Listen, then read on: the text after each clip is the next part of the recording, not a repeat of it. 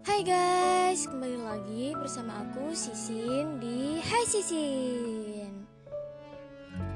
Kita kembali lagi di podcast yang gak jelas ini.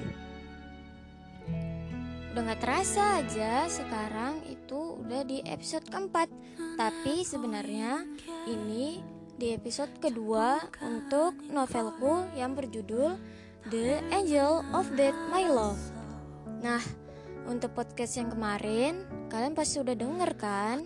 Itu adalah episode 1 dari novelku yang pertama kali aku terbitin. Nah, sekarang episode keduanya.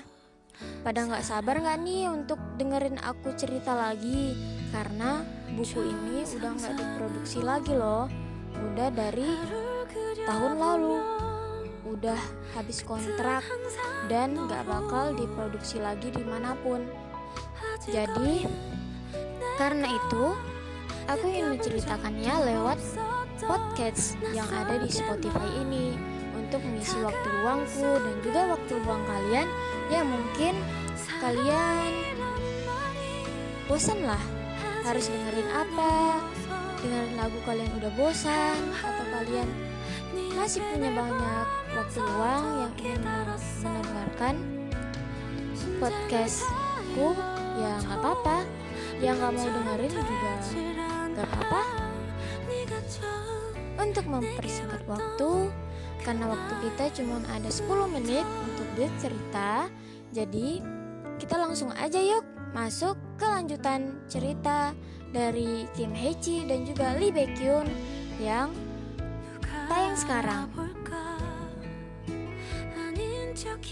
Keesokan harinya Hari ini, Lee Baekhyun berangkat pagi-pagi sekali menuju ke markas dinasnya.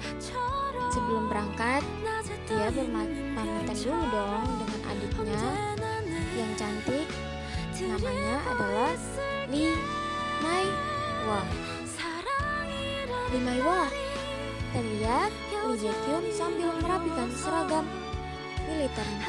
Adiknya berlari tergesa-gesa menghampirinya. Ah, iya kak, hati-hati ya.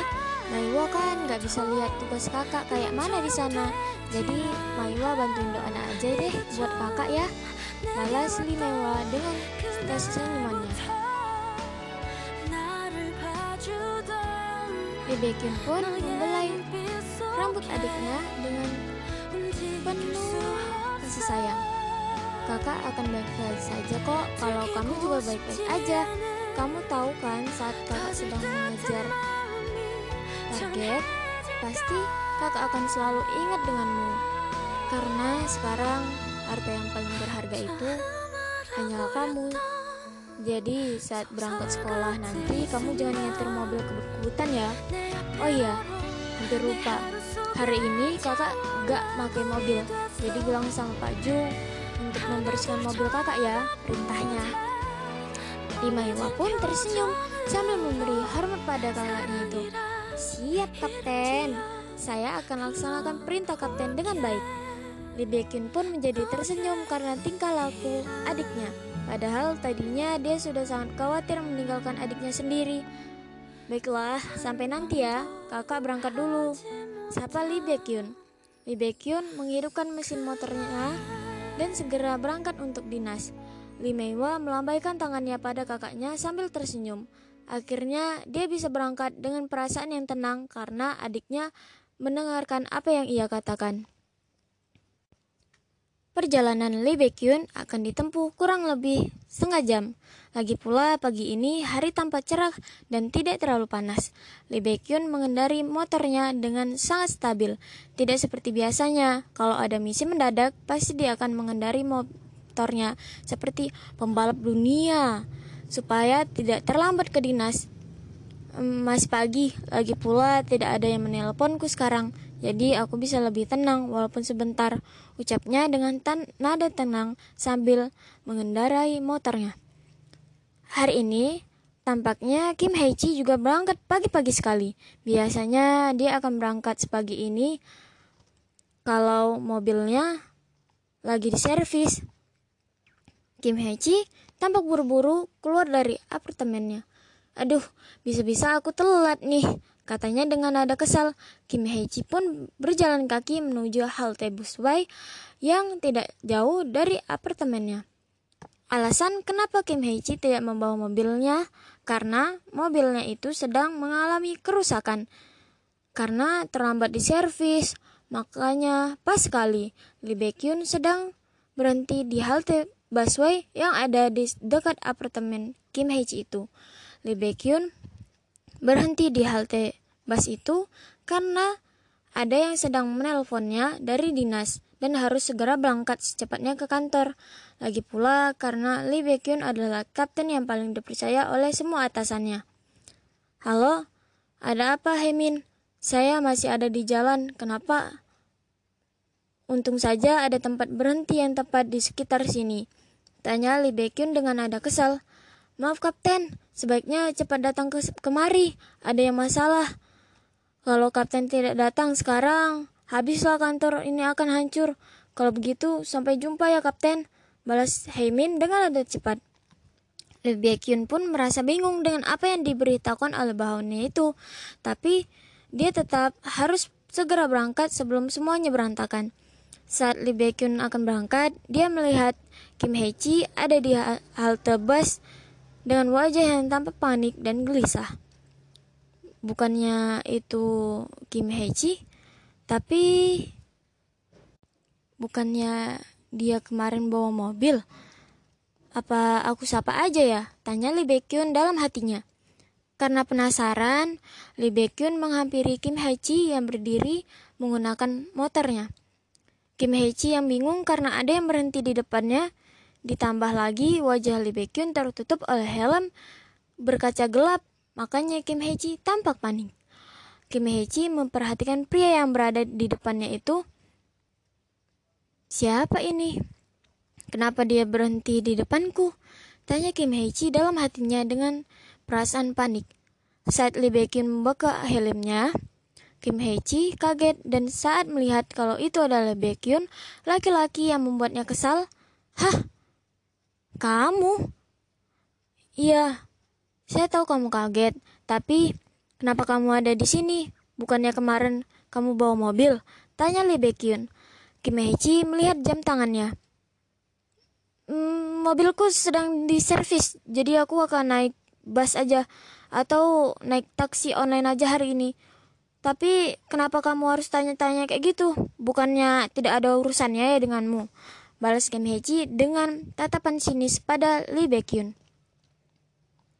Kim Hee-ji menunggu busway belum juga datang ke halte itu.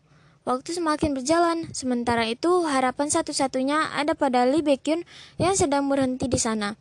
Padahal tadi dia sudah disuruh cepat untuk pergi ke kantor. Lee Baekhyun memakai kembali helmnya. Hei, busway masih lama nunggunya. Jika memang tidak mau terlambat ke kampus, naik ke motorku aja. Aku juga tidak punya banyak waktu untuk berdebat denganmu. Usulnya dengan nada cepat sambil menghidupkan kembali mesin motornya.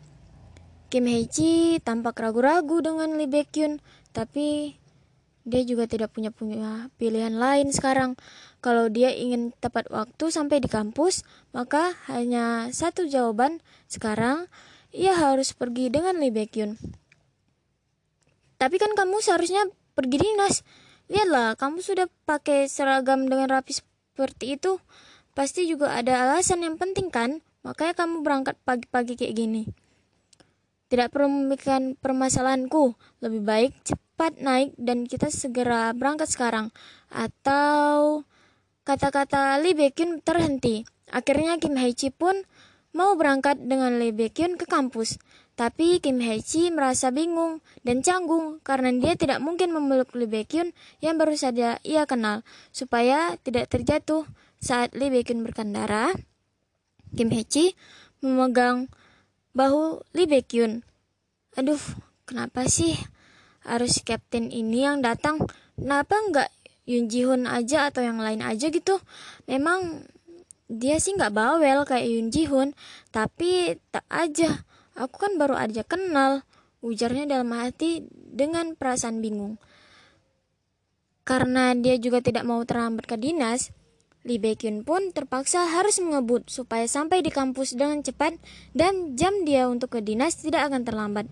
Kim Hee aku mengebut saja ya. Usulnya singkat. Kim Hee pun tidak sempat berbicara dan tidak sengaja memeluk Lee Baekhyun dengan erat.